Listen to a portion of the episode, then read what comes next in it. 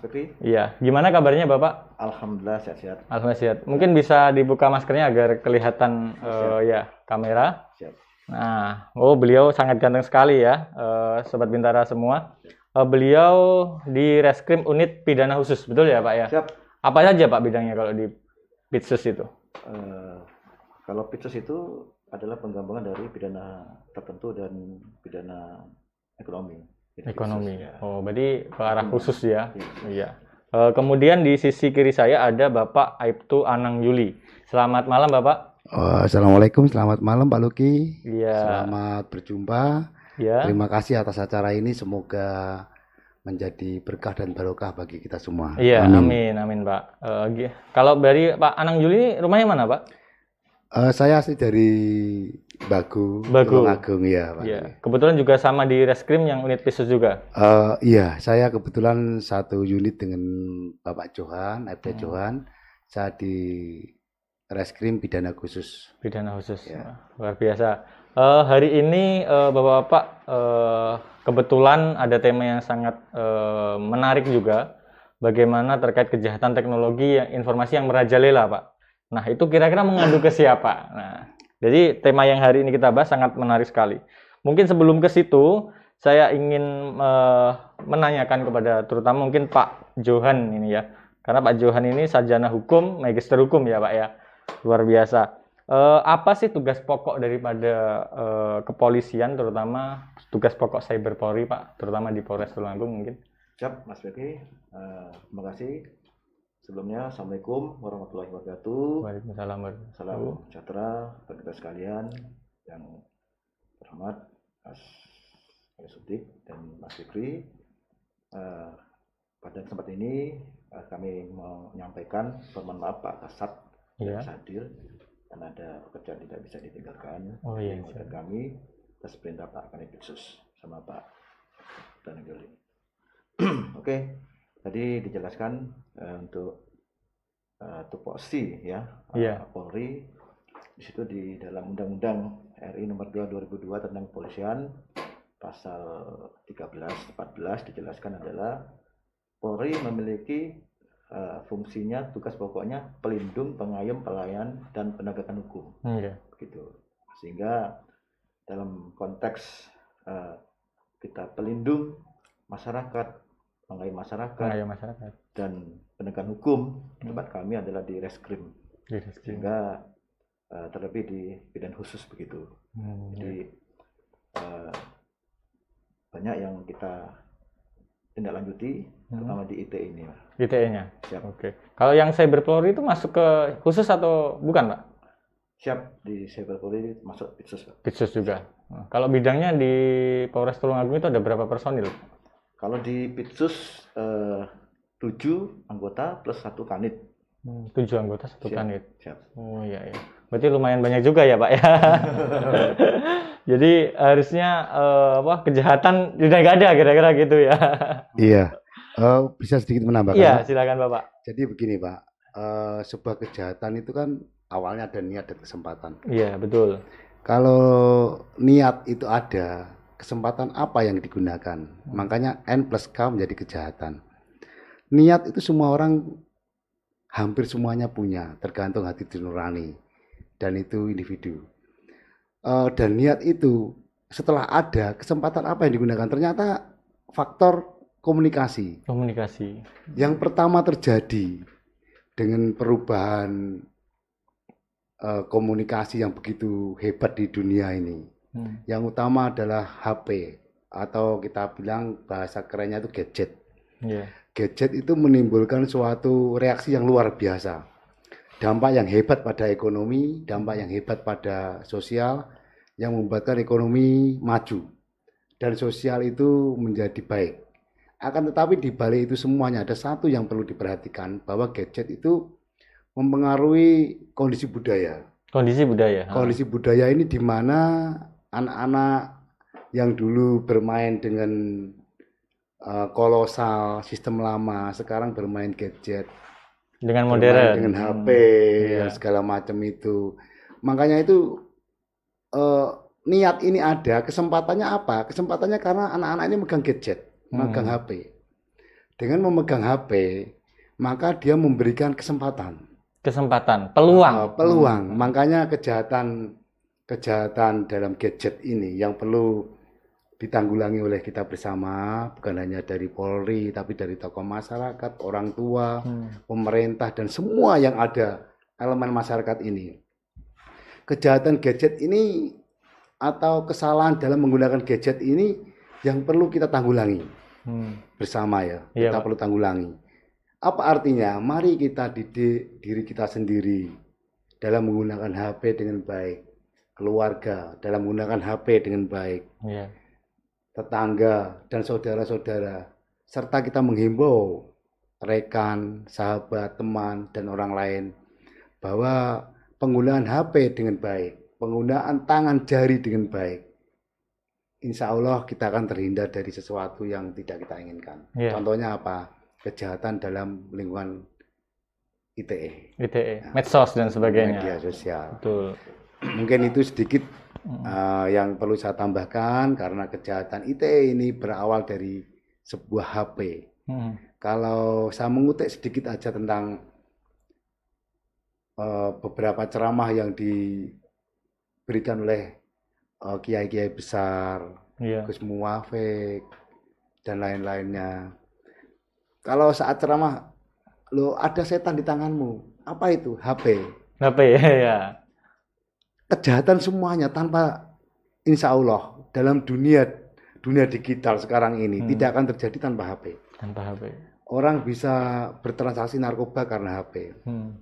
Orang bisa mencuri karena HP. Orang bisa berbuat tidak senonoh ataupun asusila karena Hmm. HP.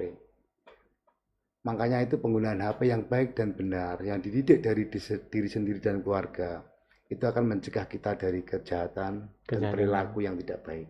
Betul. Eh, mohon maaf ini sedikit aja dari saya mungkin untuk teman-teman dan saudara kita yang mendengarkan Radio Bintara Hmm. eh, saat ini semoga kita terhindar dan tidak melakukan kejahatan melalui HP. Hmm. Betul, betul, betul Ah, sekali. Mungkin Betul, Pak. ada ya. yang lain Pak Pauji Iya. yang perlu didengar- Iya. disampaikan monggo. Ini eh, Bapak selagus pengayom kira-kira gitu. Sangat tepat dengan tugas pokoknya tadi, kira-kira gitu ya. Terima kasih Pak Pauji Iya. ya. Kemudian eh, ini yang sangat menarik kan hari ini tema kita kejahatan ITE. Nah, kira-kira ling ruang lingkup daripada kejahatan ITE itu apa saja sih, Pak? Ah, tadi sudah dijelaskan sama Pak Anang, saya nambahkan juga. Iya. Jadi Undang-Undang ITE itu eh, menggunakan namanya semua elektronik. ya. Elektronik. Ya, baik itu media HP atau gadget tadi, Hmm. atau laptop, atau Laptop komputer, masuk juga. Itu ya Hmm. kan, dan sejenisnya, yang mana eh, itu adalah mendistribusikan, mentransmisikan dengan eh, apa namanya elektronik begitu Hmm. ya. Nah, jadi eh, dalam pasal 27 Undang-Undang 11 2008 sebagai perubahan Undang-Undang 19 2016 tentang ITE di situ perbuatan dilarang. Iya. Nah, dilarang adalah barang siapa dengan sengaja tanpa hak ya mendistribusikan, mentransmisikan satu muatan eh, kesusilaan 27 ayat 1 ayat 2 muatan eh, perjudian. Perjudian, Nah, kemudian ayat ketiga adalah eh, pencemaran nama baik. pencemaran Ah, ya. nama baik. Yang ayat 4 adalah eh, ancaman kekerasan begitu. Jadi eh, termasuk pasal 28 itu adalah eh, yang eh, bahasa hukumnya itu menyuarakan atau eh, istilahnya kebencian, ujaran kebencian. Ujaran kebencian, Ya, sara ya. itu sangat tidak dipuji. Hmm. Dan dalam konteks saya tambahkan eh, Undang-Undang ITE ini pada bulan Februari 2021 Hmm. eh, Pak Kapolri eh, melalui Kabar Eskrim mengeluarkan surat telegram, isinya, juga surat edaran ya, Hmm. yang mana di situ untuk dipedomani seluruh penyidik penyidik di seluruh Indonesia. Hmm. Nah, bahwasannya undang-undang ITE itu termasuk ujaran kebencian, fitnah, Fitnah, eh, fitnah ya. baik dan Kaspol 11 ya pasal 7 ITE Hmm. Eh, itu harus dilakukan restoratif justice. Hmm. Jadi dalam konteks undang-undang ITE ini adalah eh, penyidik mempunyai kewajiban intinya mempertemukan kedua belah pihak antara pelapor dan terlapor Terlapor. gitu nah dalam proses penyelidikan Hmm. kemudian untuk menaikkan ke sidik apabila itu kedua belah pihak tetap eh, istilahnya ngotot begitu ya Iya, Mas Fikri. ngotot. Hmm, tidak Nah, bisa kita dia. laksanakan namanya eh, gelar perkara melalui Zoom meeting Hmm. Nah, melalui eh, Polda Polda Jatim yang jelas kami ya sini Iya. kemudian sama Direktur Cyber Mabes Polri Baris Mabes Krim. Polri langsung. Baris Krim, Oh, ya. karena itulah eh, telegram dari atau SE dari Pak Kapolri melalui Kabar Skrim begitu. Hmm. Lah di sini eh, ketika tadi eh, terakhir dipertemukan tidak ada jalan keluarnya begitu, Hmm, mediasi nggak bisa. ada namanya ultimum remedium Bahasa hukumnya begitu. Jadi eh, terakhir eh, di mana kedua belah pihak tidak ada kata sepakat untuk eh, apa namanya restoratif justice begitu Iya. karena memang kita punya kewajiban untuk uh, restoratif justice begitu ya mas ya sehingga eh, sama halnya menentukan tersangka pun kita harus gelar gelar kepada uh, Kabar Reskrim. cyber ya cyber jadi di sini eh, setelah serangkaian tindakan penyidik ya untuk Hmm. memberkasan tadi dilalui eh, kemudian eh, tadi kita tidak melakukan penahanan terhadap Oh, tidak melakukan. ya Oh. jangan Kenapa tidak dilakukan penahanan itu? ya tadi dalam surat edaran Kapolri ataupun telegram Kapolri dijelaskan di situ. Jadi Hmm. eh, untuk penyidik berkewajiban nah, memperdomani TR tersebut. Ya, Oh, begitu. itu. Ya. Nah, sehingga eh, barulah tadi saya katakan ultimum meri- remedium tadi adalah terakhir kita proses sampai dengan eh, kepenuntutan dan proses persidangan. Proses persidangan. Bukan begitu Mas Fikri. Oh iya. Berarti memang eh, sangat regulernya jelas ya sesuai dengan Siap. surat telegram dan juga anunya itu tadi ya Siap, Pak, edaran juga. surat edaran Kapolri dan surat telegram Kapolri ada dua. Ada dua. Siap. Oh. Semua sama. Semua sama juga ya Iya. Pak ya. Cuma mungkin secara teknis Iya. yaitu tadi ada perubahan seperti itu Siap. ya. Saya kira itu ditahan. Jadi setelah melakukan kemudian terlapor dan seterusnya langsung ditahan. Jadi nggak nggak sampai ke situ ya Pak ya. Jadi saya katakan tadi, dari Undang-Undang 11 2008 tentang Hmm. ITE sebagaimana telah dirubah ya, Ya. eh, Undang-Undang 19 tahun 2016 tentang ITE tadi, Ya. kan tuh eh, ada beberapa pasal yang dihapus, yang dikurangi, termasuk ancaman pidana. Itu Ancaman pidana. Ya. Memang di sini ancamannya 4 sampai 6 tahun.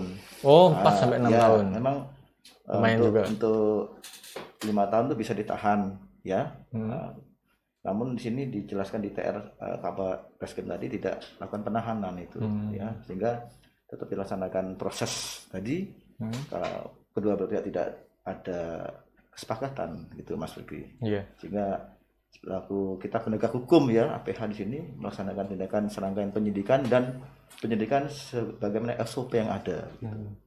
Kalau mungkin secara langkah atau prosedur hukum nih, misal Hmm. ada seseorang si A, dia mengalami apa kejahatan. Hmm. Nah, kui alur daripada pelaporan dan sebagainya itu bagaimana sih Pak? Apakah langsung ke kepolisian, kemudian ada bukti-bukti, ditindaklanjut atau bagaimana biasanya? Jadi gini, mohon izin. Jadi eh, dalam pasal 3 ya sampai Iya. dengan pasal 5 itu penyelidik pasal 7 sampai dengan 9 penyidik penyi- penyidik, kemudian pasal 10 dan 13 ada eh, penyidik pembantu Pembantu? Hmm. di mana eh, dalam rangka eh, pengadu pelapor datang adalah tugasnya penyelidik melakukan serangkaian menerima pengaduan, Pengaduan. laporan, kemudian mendatangi TKP, mem- memeriksa Saksi surat, mendatangi TKP, melakukan serangkaian penyelidikan, wawancara, ya kan, pembuntutan dan dan sebagainya kan, Nah, Hmm. sebagian SOP. Nah, kemudian ya, dibuatkan LHP. Nah, jadi LHP, intinya ya. pengadu itu bisa datang, bisa bersurat. Oh, bersurat bisa ya Pak Tetap ya? kita tindak lanjuti Hmm. seperti itu. Berarti memang sudah ada prosedurnya seperti itu ya Pak ya? Ya, betul. Kalau secara penyelidikan dan sebagainya itu anu ya Pak, eh, itu sudah tugas pokok daripada kepolisian ya Siap. Pak. Berarti tidak ada biaya apa pun dalam proses seperti itu ya Pak ya? Tidak ada, Mas. Tidak, ada ya? Tidak ada. Oh iya ya. Berarti memang sudah sesuai prosedural lah kira-kira begitu. betul, betul sekali. Nah kemudian eh, ada nih Pak, eh, bagaimana eh, ini ada kasus ya eh, kemarin kayak website pemerintah pernah dibobol atau diretas. Nah itu ketika Cyberpori atau Kabar Reskrim yang mengusut, itu kira-kira pelakunya diapain Pak? Apakah juga ditahan? Apakah juga bagaimana terkait? Kalau misal ini kan kejahatan juga, Ya. website dibobol nih misal. Itu bagaimana, Pak? Oh, jadi pembobolan gitu ya. Iya, kan di situ juga pasti ada data dan seterusnya itu. Siap. Jadi dijelaskan di dalam undang-undang IT tadi ya kan eh, serangkaian eh, tindakan penyelidik dan penyidikan tadi tidak eh, dua dua pasal tadi adalah pencemaran baik, fitnah dan atau ujian kebencian yang katakan Mas Fikri tadi membobol berarti dia ada eh, tanpa hak ya Iya, dia mengakses, mengambil alih ya. hak mengakses eh, apa elektroniknya seseorang kan Iya.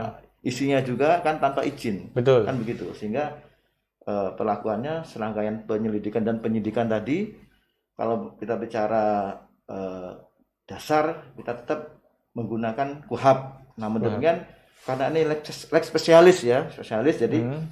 perlakuannya khusus Khusus Sehingga, juga. ya ketika Oh. Ini adalah eh, undang-undang ITE the trans eh, apa namanya informasi elektronik Hmm. sehingga kita melakukan penyitaan terhadap barang bukti ya kan itu dengan khusus juga khusus juga. ya sehingga memang eh, diatur lebih khusus untuk untuk kita mengambil menyita yang jelas sebagaimana SOP yang ada ya Iya. juga diketahui oleh eh, pemilik barang, eh, saksi, eh, kepala desa atau Pak RT atau keluarganya begitu, Ya. sehingga untuk dibukakan bukti-bukti ya, Bukti-bukti daripada peretasan Ya, itu. Ya itu mungkin pelaku menggunakan mungkin ini HP atau laptop atau mungkin Media- komputer, media- media, elektronik yang dia pergunakan begitu Mas Fikri. Iya. Kalau seperti itu apakah eh, ada perlu pelibatan pihak lain, Pak? Misal kayak Kominfo atau mungkin BIN atau apa? Apakah perlu, Pak gitu? Ya mungkin saya tambahkan Pak. Iya.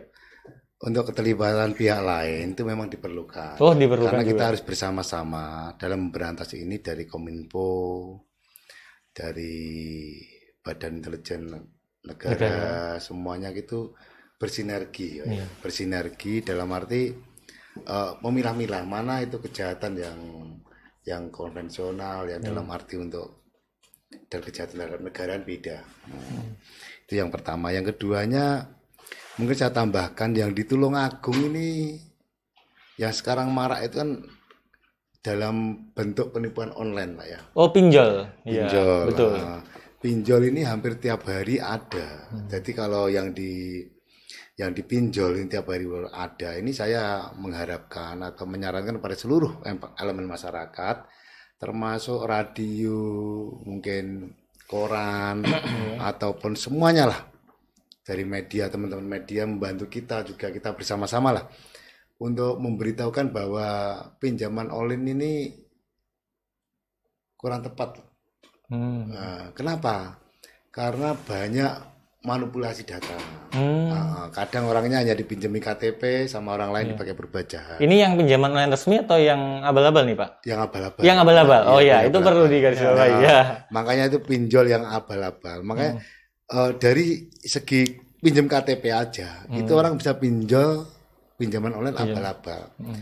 Makanya untuk seluruh warga Tulungagung dan sekitarnya mohon untuk KTP, KK jangan diberikan Hmm. untuk foto kepada orang lain. Kepada orang lain. Mm, karena itu bisa digunakan untuk pinjol. Hmm. Dan itu sering terjadi ke kita dan laporan hampir tiap hari ada. Iya. Kalau itu tindak lanjutnya gimana, Pak? Kalau misal ada kejadian nih, keluarga kalau kita nggak lihat ya, keluarga si A itu dia disalahgunakan datanya. Kemudian bagaimana prosedurnya? Apakah pinjaman online-nya yang ditahan atau bagaimana? Oh, tetap kita kita Gimana, sesuai? SOP.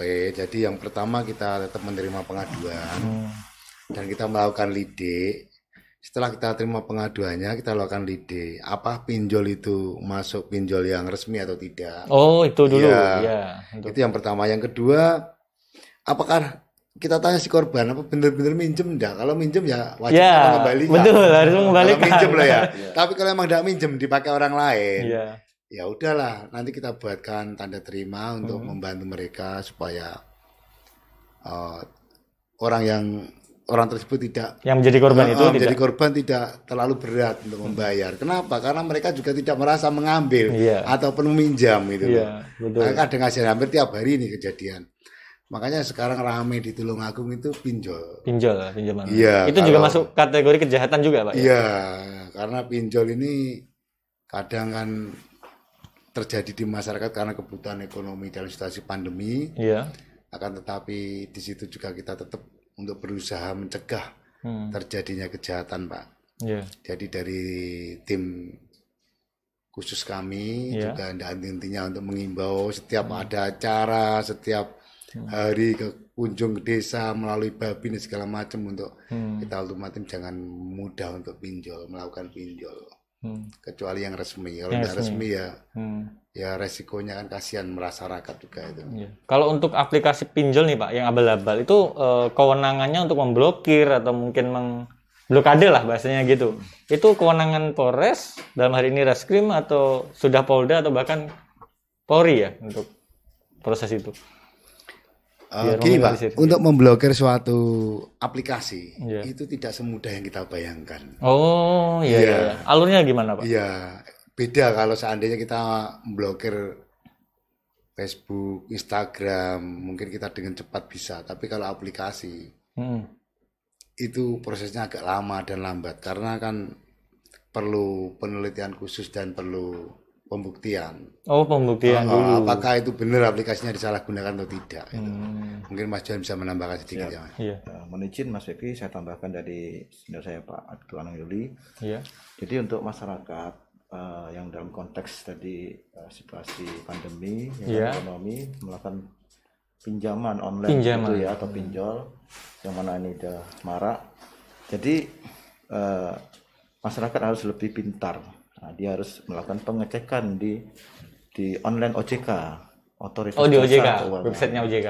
Di situ kan ada situsnya, bisa melihat di internet mana yang Resmi eh, atau resmi tidak. dan tidak. Itu ada beberapa eh, nanti bisa dilihat di situ ya, Mas. Iya.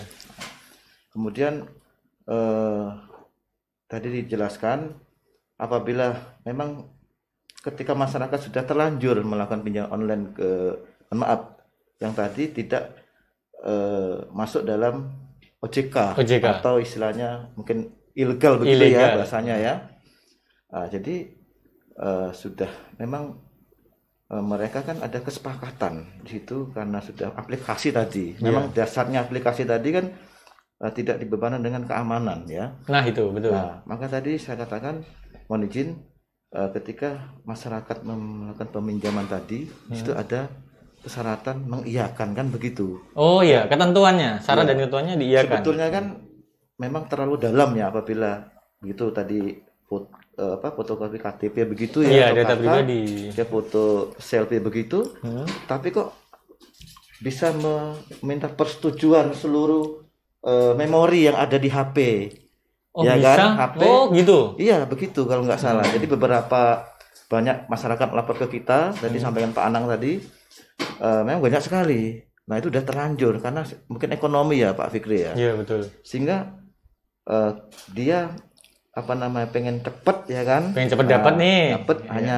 modal KTP Hmm. langsung cair kan Hmm. namun di situ ada kesepakatan mengiyakan secara elektronik Hmm. nah di situlah mungkin masyarakat kurang paham Hmm. memahami kan Iya, jadi konteks tadi keter apa namanya eh, keterbebasan tadi kan iya, sehingga dengan leluasa mengambil dalamnya iya. Akses Mungkin apa pun. foto ya apa pun foto kontak di dalamnya itu kan nah, sehingga ketika nanti masyarakat tidak bisa membayar Hmm. ya kan Sebarkan. situasi- Oh disebarkan Nah, itu. itu terjadi terjadi Hmm. eh, tindak pidana Hmm. nah, tindaknya itu macam-macam ya Iya. mungkin dia tadi eh, apa namanya mengirimkan dengan nomor lain begitu WA atau SMS, SMS, sebarkan ya. bahwa dia tidak membayar, orang ini pencuri, Curi. orang ini Oh, pelaku, gitu, ya. orang ini perampok. ya Nah, begitu. dengan Oh itu kata-kata sudah yang- kata-kata tadi yang disebutkan Hmm. hasut dan seterusnya tadi ya. Iya. Pencemaran nama baik. Makanya itu ya mungkin saudara-saudara kita yang ada di Tulungagung dan sekitarnya kalau pinjol ya pilih-pilih yang resmi. Iya. Dicek dulu. Dicek dulu di OJK. nggak. Iya. karena kalau- yang tidak eh, apa masuk dalam OJK itu kan tidak tahu alamatnya mana kan gitu Oh iya. karena sistem Alamat elektronik kantornya, kan betul. begitu kan tidak tahu nih Hmm. di mana kan karena media tadi elektronik semua gitu loh Hmm. kan dunia maya begitu kan Iya. Cet- tapi uang tuh ada masuk ke rekening si eh, Si- Iya. atau peminjam begitu kan nah ketika dia tidak eh, telat melakukan pembayaran dia ya kan main begitu langsung di seseorang nomor nomor lain Hmm. Bla bla bla tadi ya kan nah, jadi eh, sedikit pengancaman dengan ada pornografi Intimidasi dan begitu kan nama baik nah itu ada dugaan-dugaan tadi kan seperti itu. makanya eh, bijak dan sadar dalam memilih mungkin yang eh, masuk di OJK Masuk di OJK. Ya, ya. Berarti kalau eh, kasus yang seperti itu itu berarti bisa kena pasal berlapis dong, Pak ya? Kan bisa pencurian tanpa izin nih, gitu. Kemudian bisa lagi hal bisa tadi. juga Mas Firky karena tadi kan tanpa izin kan mengakses kan mengakses mengambil data elektronik itu eh, seseorang tanpa izin. Tapi sebetulnya kan tadi saya katakan Ah, sudah ada kesepakatan tadi ya? tadi. Lah itu tadi yang sangat sangat Iya, sangat riskan sekali itu. iya. Plus minusnya itu kan dia mendapatkan uang ya. Iya. uang dari pinjaman itu kan. Namun dia tidak eh, bisa melakukan pembayaran.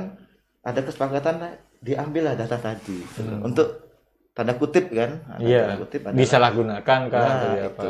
Itu Saya yang lebih bijak untuk masyarakat dalam eh, mungkin melakukan pinjaman online yang terverifikasi di OJK begitu.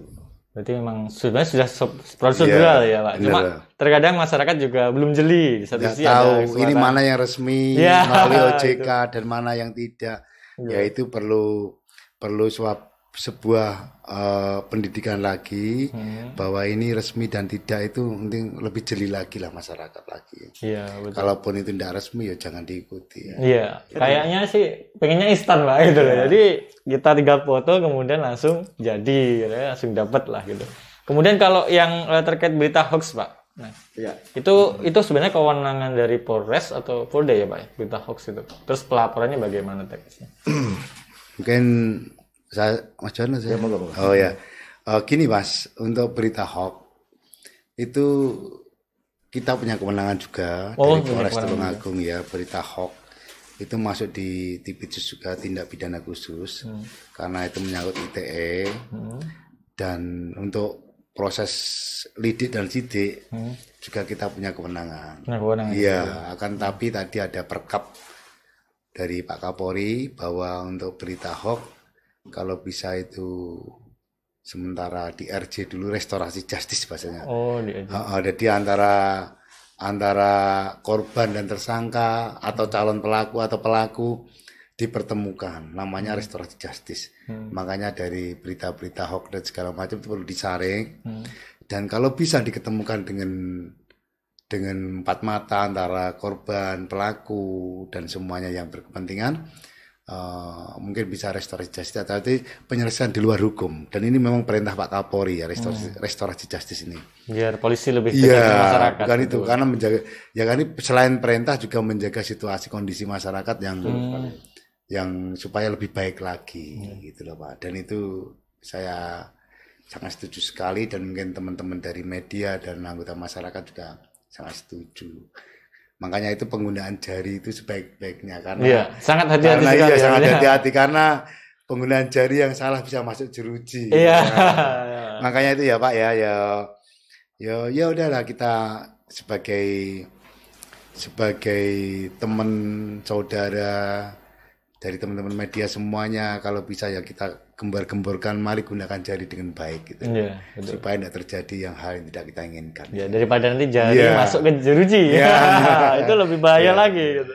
Bahasanya itu lebih bijak dalam eh, menggunakan eh, apa- Elektronik. Iya elektronik. Nah, tadi dari tangan tadi bisa ke mana-mana kan gitu. Iya, Nah, betul. Satu tulisan dari bisa iseng ya kan. Iya. Nah itu. Berarti masuk dari hal-hal seperti itu ya kita antisipasi ya, Pak ya. Iya. Jadi sobat bintara yang berada di rumah, Bijak kalian lah. bijaklah Ya, dalam bermedia sosial maupun menggunakan transaksi elektronik dan intinya gadget dan sebagainya harus lebih bijak dan juga eh, selektif lah kira-kira begitu. Kemudian eh, di kejahatan dunia maya itu kan banyak sekali nih Pak. Nah, kayak misal eh, cara membentengi opini, kira-kira apa yang perlu dilakukan Pak? Opini di masyarakat agar tidak apa namanya menimbulkan hoax dan sebagainya itu. Kira-kira bagaimana Pak? Yang jelas eh, Polri dalam hal ini kita di Polres Tulungagung kan eh, sudah eh, aktif ya dalam ada cyber trap begitu. Oh, cyber Ya, pasukan ada, khusus. Ada Oh. eh, yang setiap saat itu melakukan patroli ya di dunia maya, mensaring begitu Hmm.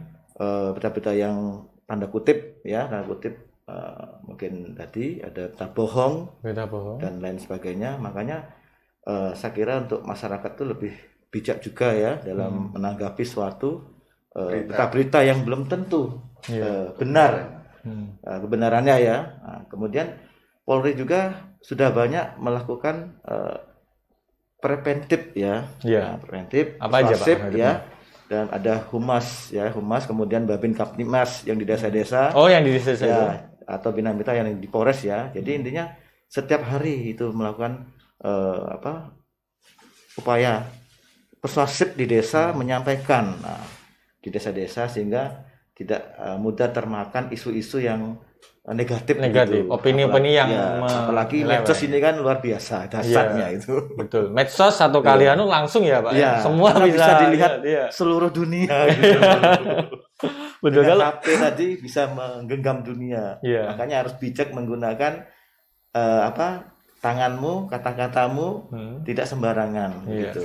Kalau untuk yang cybertalk tadi saya penasaran Pak, itu Iya. apakah gabungan netizen atau mungkin pengguna media sosial atau apa Pak itu cybertalk? Jadi kalau di eh, Polres itu kan ada di Humas nih ya. Hmm. Nanti ya tetap gabungan dari Reskrim, dari Iya. Humas, Hmm. dari eh, apa Bina Mitra, Hmm. ya dari yang jelas Reskrim ya, penegakan hukum ya begitu. Tetap Reskrim. kita apa namanya memfilter lah mungkin begitu berita yang mungkin hoax ya, kurang Iya. yang kurang baik begitu. Iya.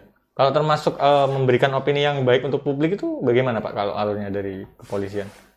Ya, tadi eh, ada pemasangan pamflet juga ya, Oh, pamflet. spanduk begitu, jangan mudah ter apa eh, termakan eh, kata-kata bohong, Hmm. penipuan, banyak mas. Jadi setiap kecamatan, polsek-polsek ya itu dari eh, Polres pembina fungsi begitu Hmm. telah memberikan eh, banyak. Jadi dalam konteks Bab- Babin Kaptimnas di desa, kemudian Hmm. itu di Sabara melakukan apa namanya pemasangan, Pemasangan, pamflet ya, ya. termasuk itu adalah pencegahan begitu persuasif. Nah, Hmm. kami di sini adalah salah penindakan, Penindakan. ya, represifnya begitu. Ya, kalau boleh tahu, ini kan eh, bermedia nih Pak. Pastinya Polres ada medianya nih. Kira-kira Hmm. medianya apa saja Pak? Kalau terkait media sosialnya di Polres itu, yang sudah bahasanya digunakan untuk menyampaikan Oh, berita- ada Humas Polri. Humas Polri. Humas Polri. Iya. Yang utama itu dari Humas Polri nanti akan memberikan penerangan-penerangan kepada Penerangan. seluruh masyarakat dan terbuka untuk umum Hmm. bahwa di situ nanti kebenaran apa berita bohong dan tidak Oh, di situ ada. Iya.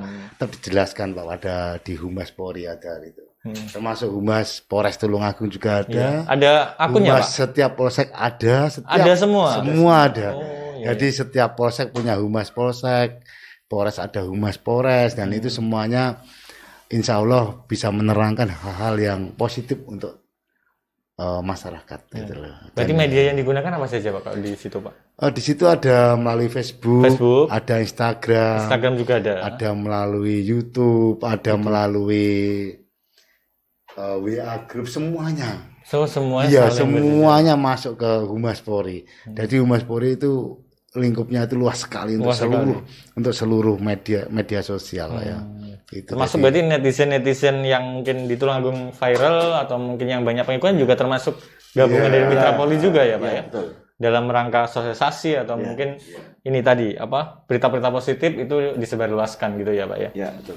Oke, kalau selanjutnya eh, bagaimana sih cara eh, apa namanya pengaduan secara online, Pak? Apakah kalau saya kemarin kan eh, pernah dengar itu instruksinya Kapolri semua itu berbasis IT ya, Pak, iptek ya, Pak ya. Ya. Itu alurnya bagaimana untuk proses pengaduan secara online? Entah eh, apa kejahatan dunia media sosial atau mungkin kejahatan yang lain? Apakah ada, Pak, aplikasi khusus atau apa gitu? Eh, untuk di Reskrim ada Satreskrim Tulungagung eh, Hmm. at Yahoo ya.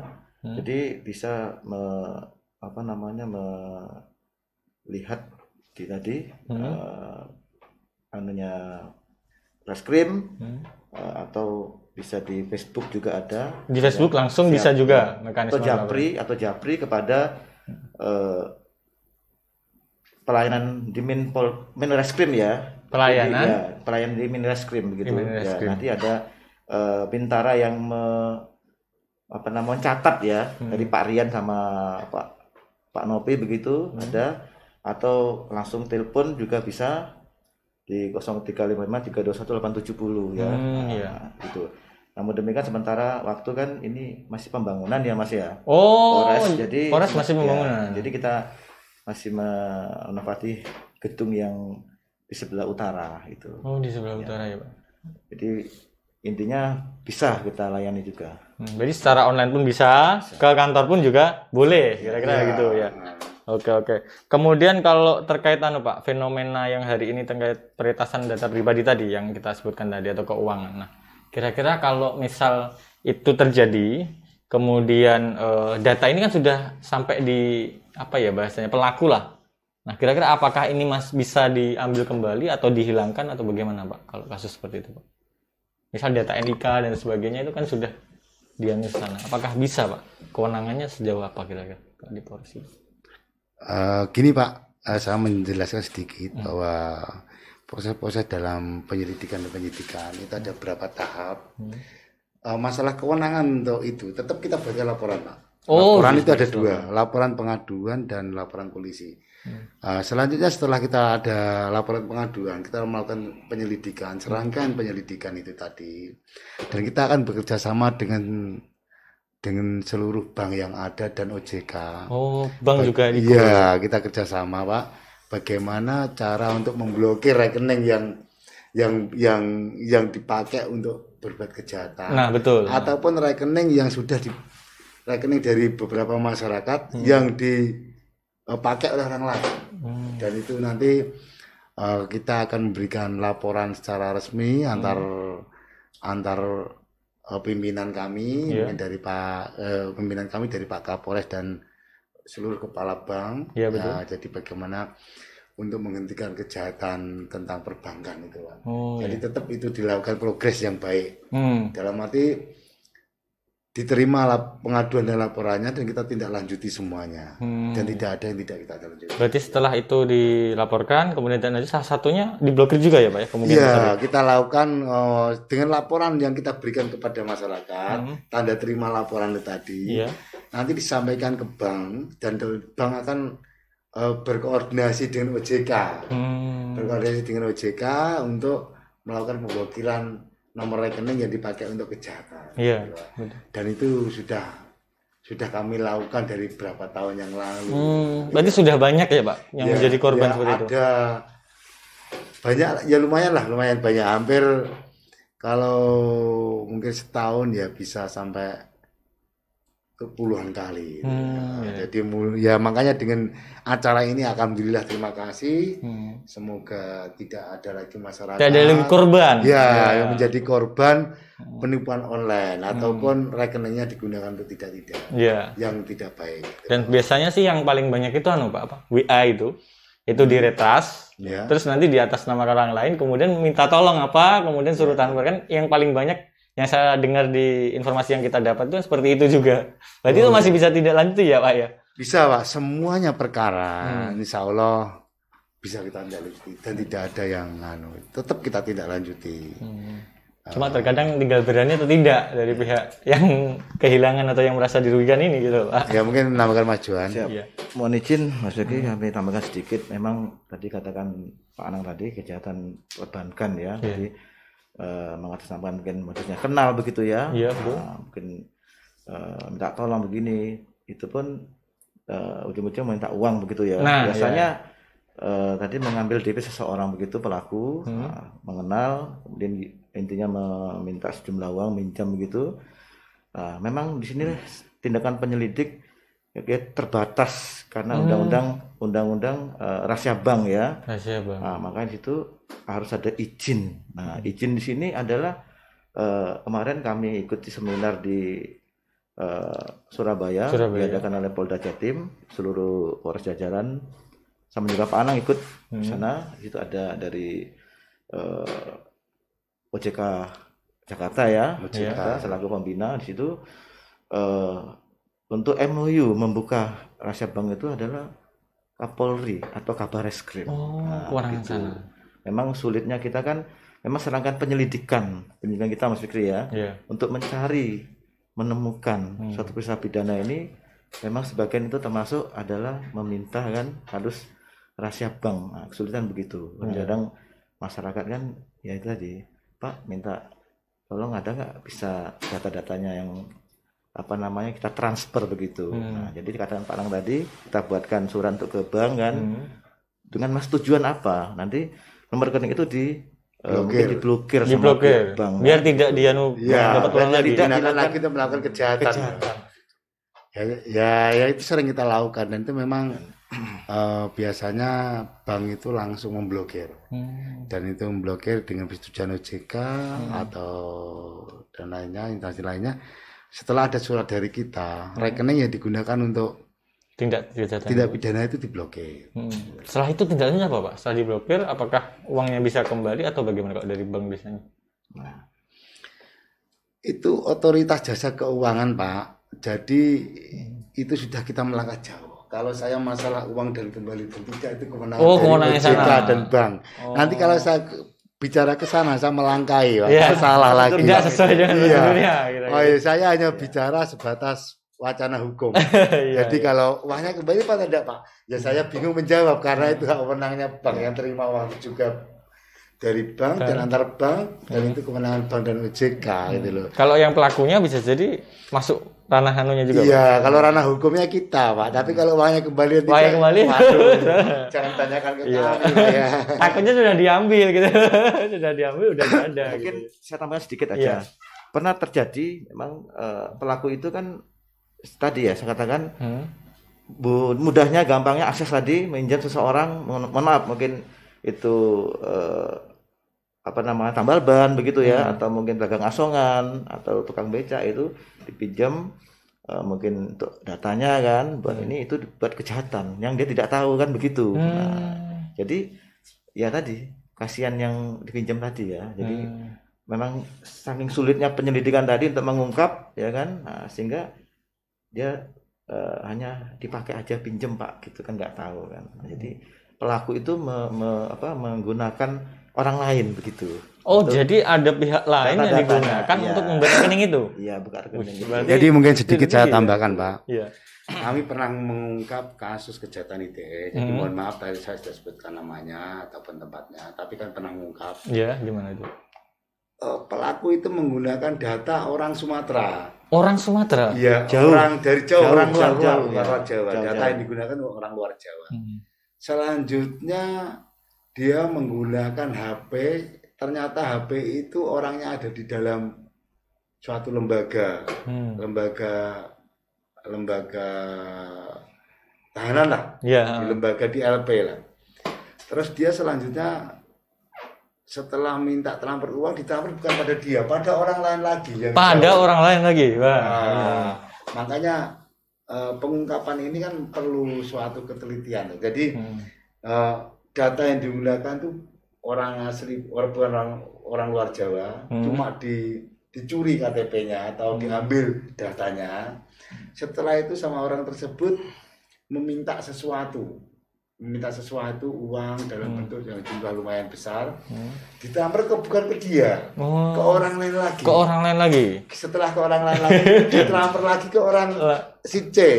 Si C ini baru kembali ke yang pelaku asli tadi Hmm. itu. Jadi rentetan yang Ada empat ini, iya, ini ini. oh, oh, membutuhkan suatu teknologi ITE, teknologi Hmm. informasi termasuk segala macam itu kita bekerja sama dengan beberapa instansi termasuk bank yang memberi support juga pada kita untuk mengungkap itu terima itu. kasih termasuk dari komunikasi dari telepon dan lain-lainnya kominfo Hmm. kita kerjasama sehingga bisa terungkap. Oh, berarti ada juga seperti itu ya, Pak? Iya, jadi Saya ini- kira cuma ini contoh aja Iya. Pak, contoh contoh contoh kecil yang yang pernah kita ungkap tapi ya alhamdulillah akhirnya dengan kita ungkap itu Hmm. kejahatan-kejahatan lain mereda gitu loh. Berarti- Ya mudah-mudahan sisi baiknya Hmm, eh, dalam jumpa temu kangen radio ini ya. mari kita himbau saudara-saudara kita mungkin melalui siaran yang tidak ada hentinya Iya. siang dan malam Ya, sosialisasi yang terus menerus. Nah, tolong disampaikan bahwa penggunaan HP ataupun pinjol ataupun mencaci dalam melalui medsos Hmm. jangan dilakukan lagi. Jangan dilakukan lagi, betul Mungkin itu yang perlu saya sampaikan kepada Bapak, nanti Hmm. Bapak tinggal menyampaikan kepada saudara-saudara kita yang ada di wilayah Tulungagung ini Hmm. supaya aman tertib dan terkendali. Iya, betul.